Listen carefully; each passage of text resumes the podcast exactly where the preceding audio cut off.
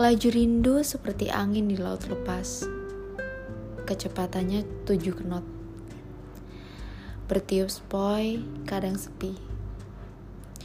Menyejukkan hati, menyingkirkan kecemasan soal mati.